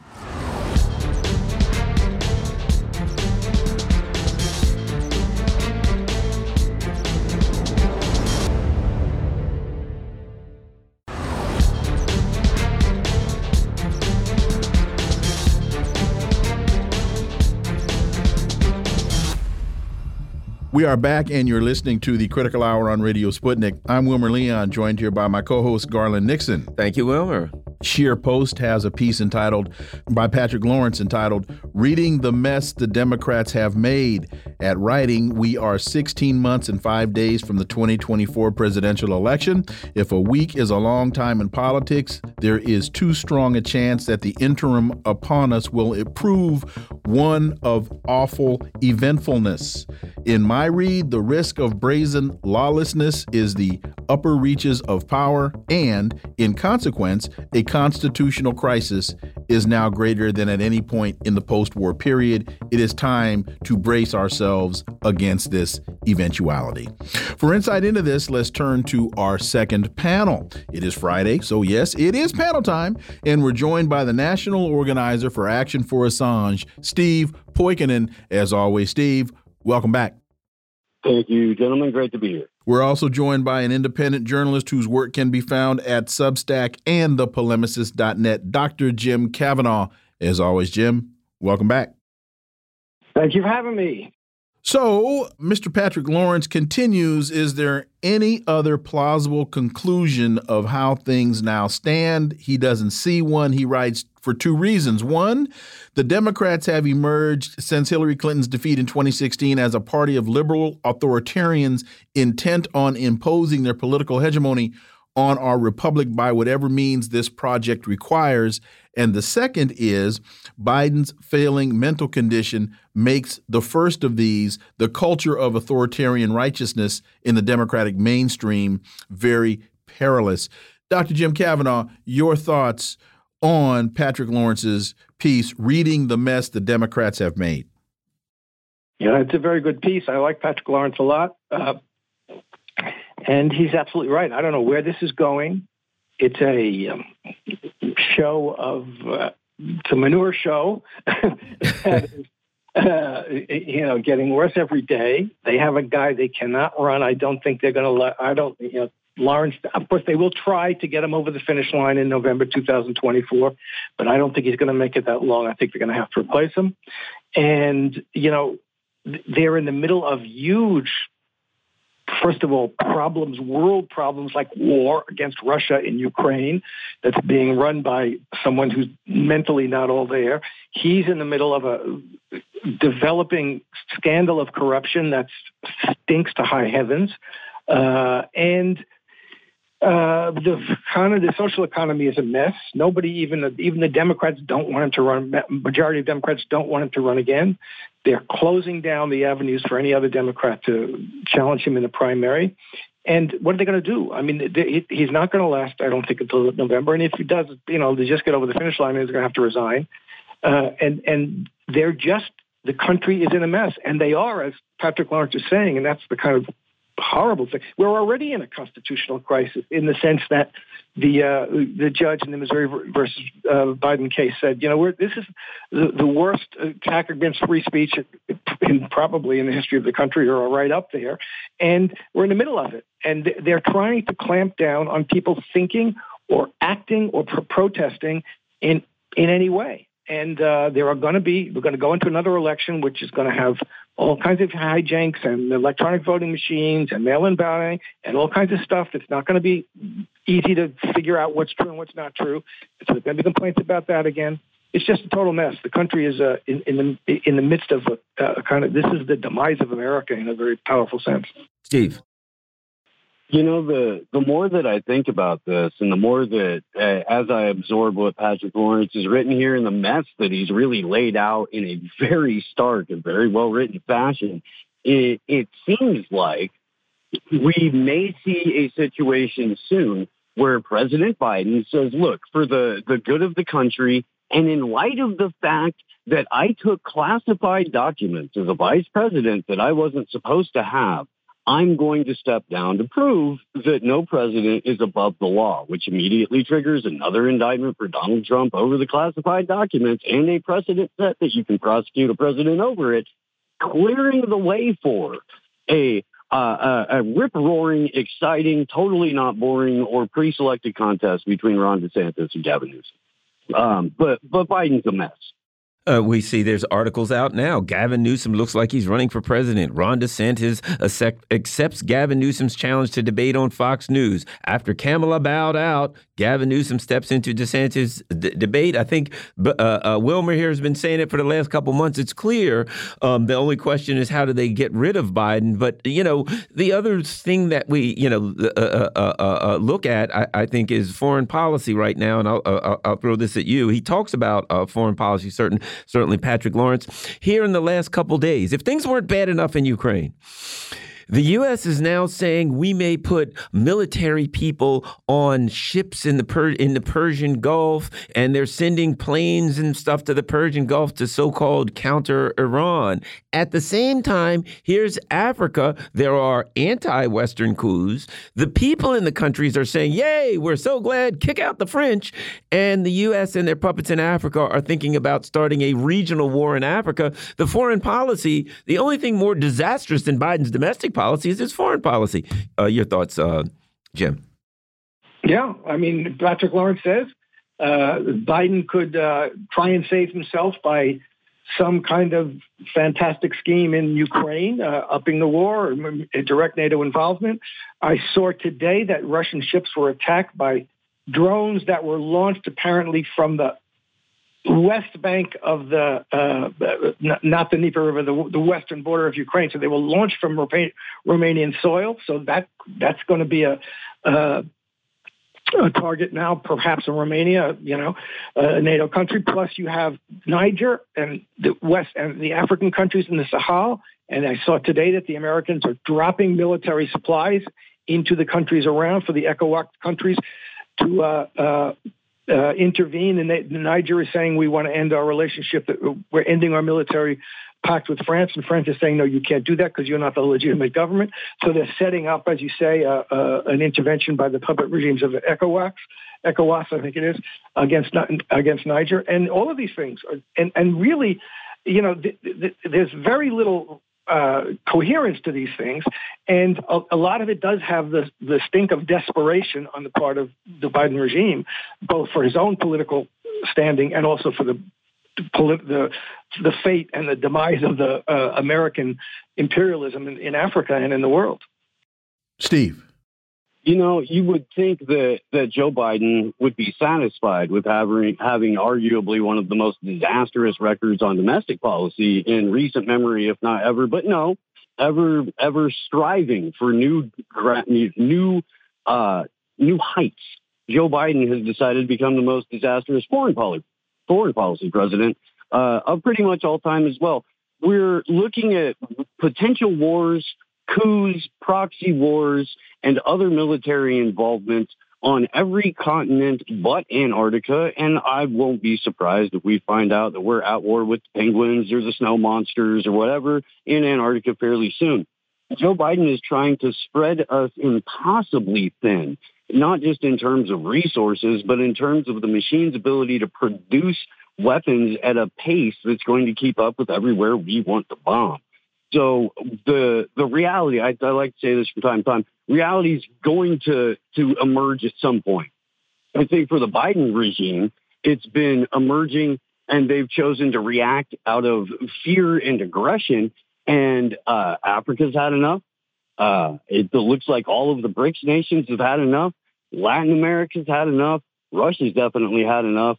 So there, there's a bill that's coming due fairly certain. And uh, even though we print our own money, I don't know if we're going to be able to, to pay up. Moon of Alabama, election 2024, two legal cases and one winner. Now, there's certainly the issue of the legal cases, um, and this is interesting. You know, the two legal, I mean, the, the two leaders of both parties, one of them is an incumbent, and he's facing all kinds of stuff. And meanwhile, the leader of the opposition party has been cha charged with everything but mopery on the high seas. But let's talk about this in the context of going into election 2024. We've got RFK Jr. out there. He's kind of up and down. We've got Cornel West, who the media is absolutely ignoring. I just saw an article the other day that said, why is he running? Why he should hurt Biden. We got a mess here going into an election season. We'll start with you, Jim Kavanagh. Yeah, I don't, you know, I don't think this Trump corrupt, uh, excuse me, the Biden corruption thing is going to go away. Although to suspect the Republicans aren't going to push it as far as they can uh, because it's going to open up a can of worms that everybody eats out of.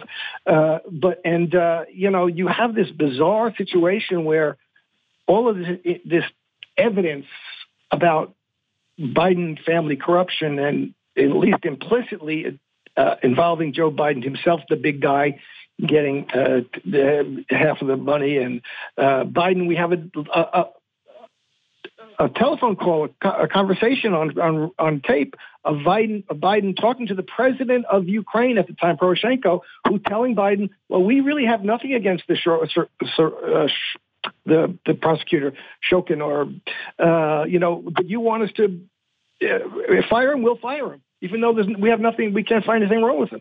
So that's all clear, but that gets slow walked. At the same time, you have everything that every little charge they can make against Trump, they're going to make. And it's just extremely bizarre. And it creates an atmosphere for the, as you say, for the election. Trump isn't doing any worse. This is a bizarre situation where, you know, as uh, uh, Chris Rock said the other day uh, when Trump was indicted, you all really going to arrest Trump? Don't you realize that's just going to make him more popular. It's like arresting Tupac. He sells more records, and that's what's going to happen here. and it, and everybody knows it. So this bizarre situation where they want to make Trump out to be the master criminal in a way that they maybe you may think is designed to drive him out of the race, but really they, it's keeping him in the race, and they see that, and I think they like that. I think they want Trump to be the nominee and to be under indictment for 10 things because all they have is Biden isn't Trump. They want, they think the suburban women and the suburban independents are going to vote against the guy who's under indictment for 25 things. It's really very bizarre. And it's, it's, it's, it's incredibly shallow and at the same time dangerous political atmosphere. Steve Poikonen Donald Trump sold steaks Donald Trump sold clothes and, and neckties. He sold degrees from Trump University. And now Dr. Jim Kavanagh has him selling records. That's that's a frightening, frightening thing. Uh, your thoughts, Steve Poikonen? You just gave a, a Hall of Fame heel the opportunity to become that at, at God level status. I can't understand the thinking behind let's give arguably one of the most popular politicians of all time with the the uh, uh, with the base with just the rank and file Republican voter. Let's elevate him to outlaw hero. The short of making him a warrior poet, the the Democrats have done more for Donald Trump than anyone inside the GOP ever could or can. Let me let me ask. This just popped into my head, Jim Kavanagh, and then Steve will come to you with this. I understand everything you're saying about the heel of all time, but did all of this go back to the Tea Party, and did all of this really go back to the the the Republican elite not stopping Tom Tancredo when when they should have. As I say, we, we should have stopped Hitler in Poland. Uh, you should have stopped Tom Tancredo when when the when the Tea Party was was calling uh, Barney Frank uh, out of his name and and and and calling uh, late Congressman John uh, John Lewis an N word and and and because I see a lot of this Trumpism coming out of the Tea Party and Tom Tancredo saying we want our country back. Well, you can go back to all that, and you know those that that, right wing republicanism from Newt Gingrich and Tancredo and the Tea Party people had its day. Uh, but you know, Bush, the Bush presidency turned off a lot of people, and there was that moment when when uh, Obama ran. Which which Bush? Which which Bush? The second Bush. Okay, the uh, shrub. Okay. The, the Iraq Bush. Okay. Iraq War. The second Iraq, young Bush, Bush the younger, and and, and people were were ready to do something different. And Obama came along and promised to be something different. And a lot of people all across the country, you know, the classic, you know, guy who went to the uh, was electioneering for Don Obama and knocked on the door and they said, we're going to vote for the N word because we want something different. Okay. So there were, there was a, there was a wave there that could have been ridden if Mm-hmm. Obama wasn't a con man and wasn't out to, uh, you know, uh, people his administration with the banksters, and didn't go to the banksters and say, "I'm the I'm here to protect you from the pitchforks," which mm-hmm. is exactly what he did. And what Trump did was come in and say, "Come to the Capitol." Brought the pitchforks to the Capitol, and that's and don't and don't forget your your torches as well. Bring your yeah. pitchforks and your torches. So this is really, you know, it was the failure of what people thought they were going to get from the from the post George uh, younger younger George Bush Obama administration okay. that lost uh, an opportunity because it was really never there. I don't think that Obama was never going to do what he said he was going to do, but. Uh, this is a second version of that, and what you have now is something which is more populist, in fact, even than the uh, Tea Party. And Steve, same question to you and to what Jim just said. I would add, not only was it uh, the disappointment from people not getting what Obama promised, it was also a backlash to the fact there was an Obama. Well, certainly. And, and anti intellectualism in the GOP is, is, something that falls in and out of fashion every 10 years or so. People realize Newt Gingrich was a dork so they decided to promote stupid candidates after that. And, uh, you know, this is, but what we're living through now is uh, effectively acolytes of the Church of Sarah Palin who have mm-hmm. uh, found themselves yes. remarkably in positions of perceived power, or at least to the point where they can affect policy or get people excited about voting out of spite. And I think that the, the mentality overall from the Tea Party going forward, or a few years before going forward, has, has kind of been this uh, we're we're not voting because we think the Republicans are better. We're voting uh, because we want to see the liberal tears, and that's it. And in uh, on the flip side to that, there are certainly people who vote Democrat for the exact same reasons. And voting out of spite uh, is, is going to get you blind in both eyes. I was uh, talking to a caller recently who um, was talking about, you know, which one is worse, Trump or Biden. And they wanted to argue which one is worse. And my position was, when we talk about voting, shouldn't we be arguing about which one is better? You know, I said I'd talk about RFK and Cornel West, and I'd say, well, you know, RFK is, yeah, but I like Cornel West. I said, so shouldn't you be talking about I'm going to vote for the better candidate? You've fallen into a bad place when the country is talking about the worst candidate. That being said, we got to jump to this story. It's important. I wouldn't want to be Volodymyr Zelensky right now because there was an article in Politico. Ukraine's plan if Russia assassinates Zelensky. Now, it's Politico, so it's probably, you know, the voice of the ruling elite, the voice of the intelligence community. And I'm not saying that they're plotting on, on, on Zelensky. But they're saying that they're plotting on Zelensky, Jim Kavanagh. Well, let, let me put it. Let me put it slightly another way, Jim Kavanagh. If there's a story that says if Jim Kavanagh gets assassinated, yeah. Uh, what, what, are we going to do with his golf clubs? You, yeah, you know, well, and his coffee. Exactly. Uh, it's Jim Kavanagh. what are we going to do if uh, Wilma, Dr. Wilmer Leon assassinates Jim right, yeah, exactly. That's the key. You see, the key is what are we going to do if Russia assassinates? We everybody knows it's not going to be Russia who's going to assassinate uh, Zelensky. It's going to be uh, the, the Ukrainian fascists or the Americans or both of them together. You know, he's got a real problem if he starts either.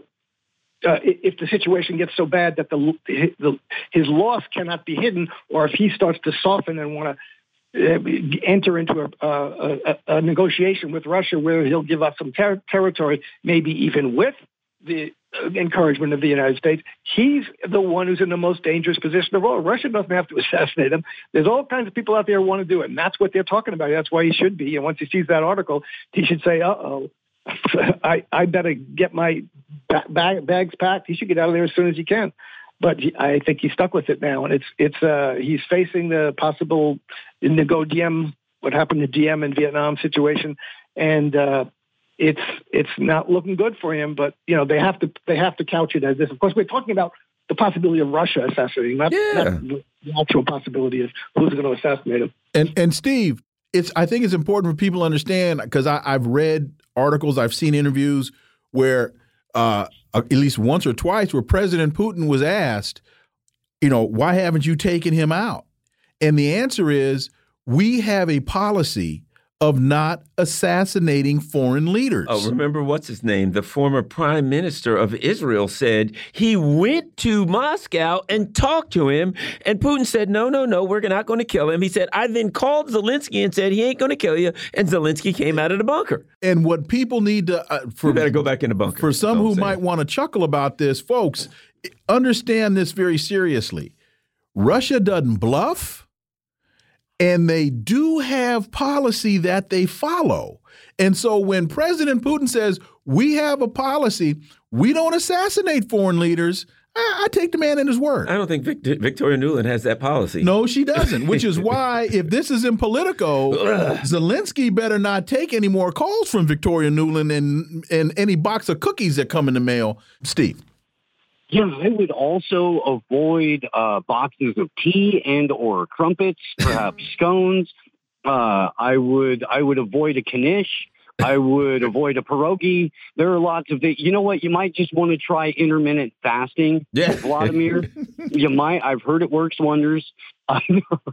this is this is uh this is pretty telegraphing, uh, and it's interesting that it's coming out now as the supposed victorious, all inclusive, we're totally winning it counteroffensive is in its third month and flagging very badly for Ukraine. The amount of losses that they've sustained, the amount of political capital that's been spent the amount of young men that have been ran through the meat grinder there, and the amount of soldiers that are starting to speak out more and more and more on social media about what's really going on, the treatment of the military there, the treatment of the conscripts, the treatment of the women, so on and so forth, coming to a head, and they're going to have to find somebody to blame. And guess who it's going to be, Vladdy? It's going to be you.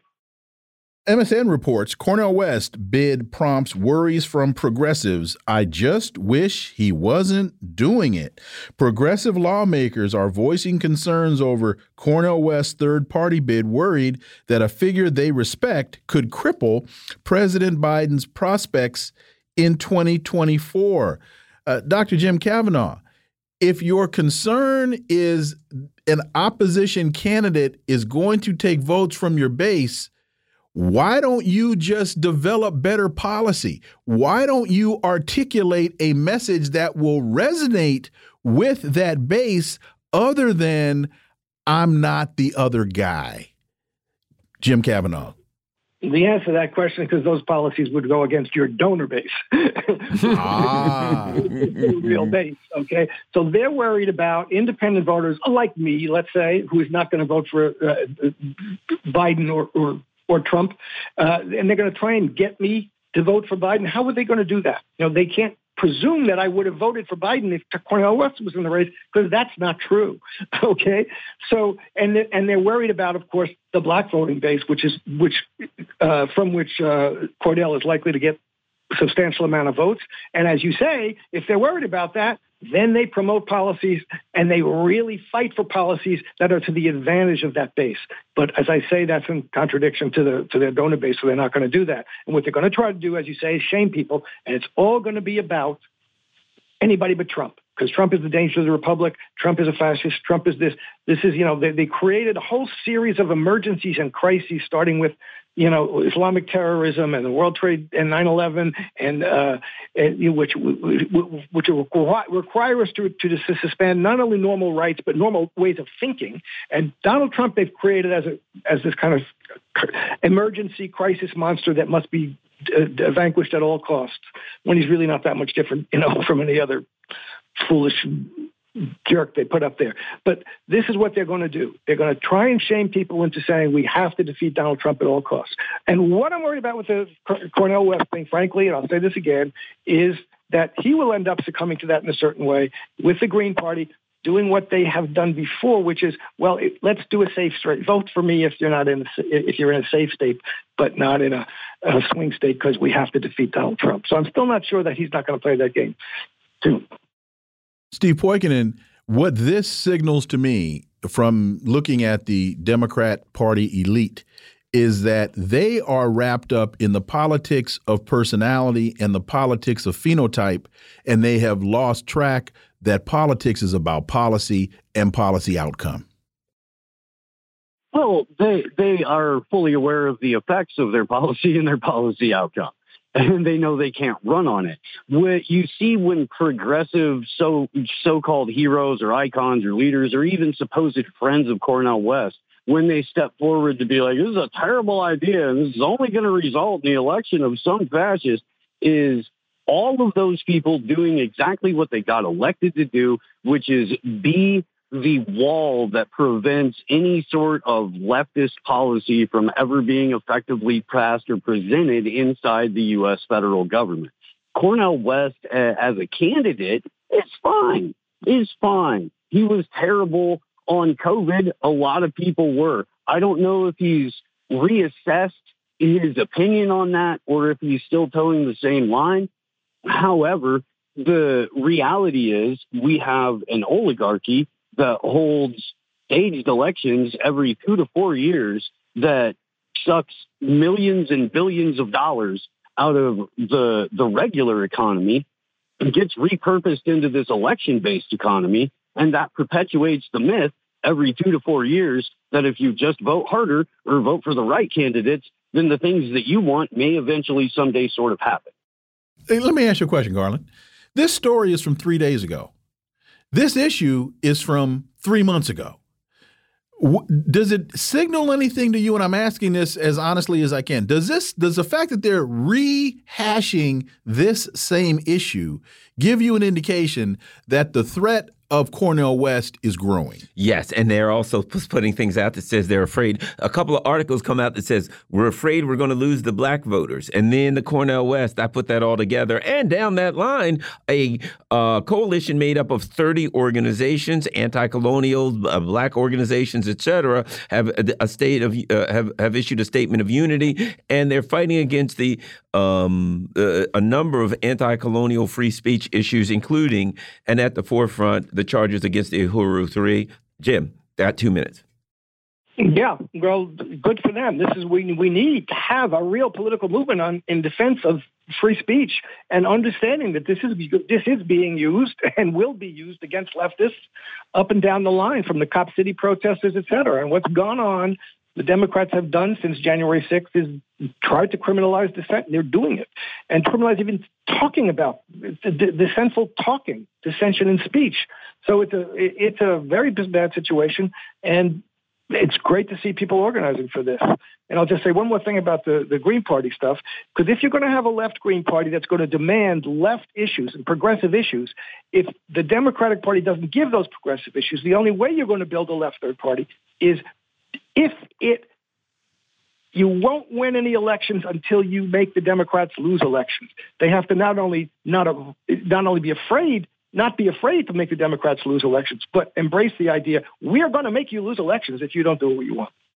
Steve Poikonen and Dr. Jim Kavanagh. Gentlemen, thank you both so much for your time today. Greatly, greatly appreciate that analysis. And we look forward to having you guys back. Have great weekends. Thank you. Thank you. Folks, you've been listening to the Critical Hour here on Radio Sputnik. Thank you for allowing our voices into your space. On behalf of myself and my co host, Garland Nixon, we hope you were informed and enlightened. And we look forward to talking with you all right here next week on Radio Sputnik. Be safe. Peace and blessings. We're out.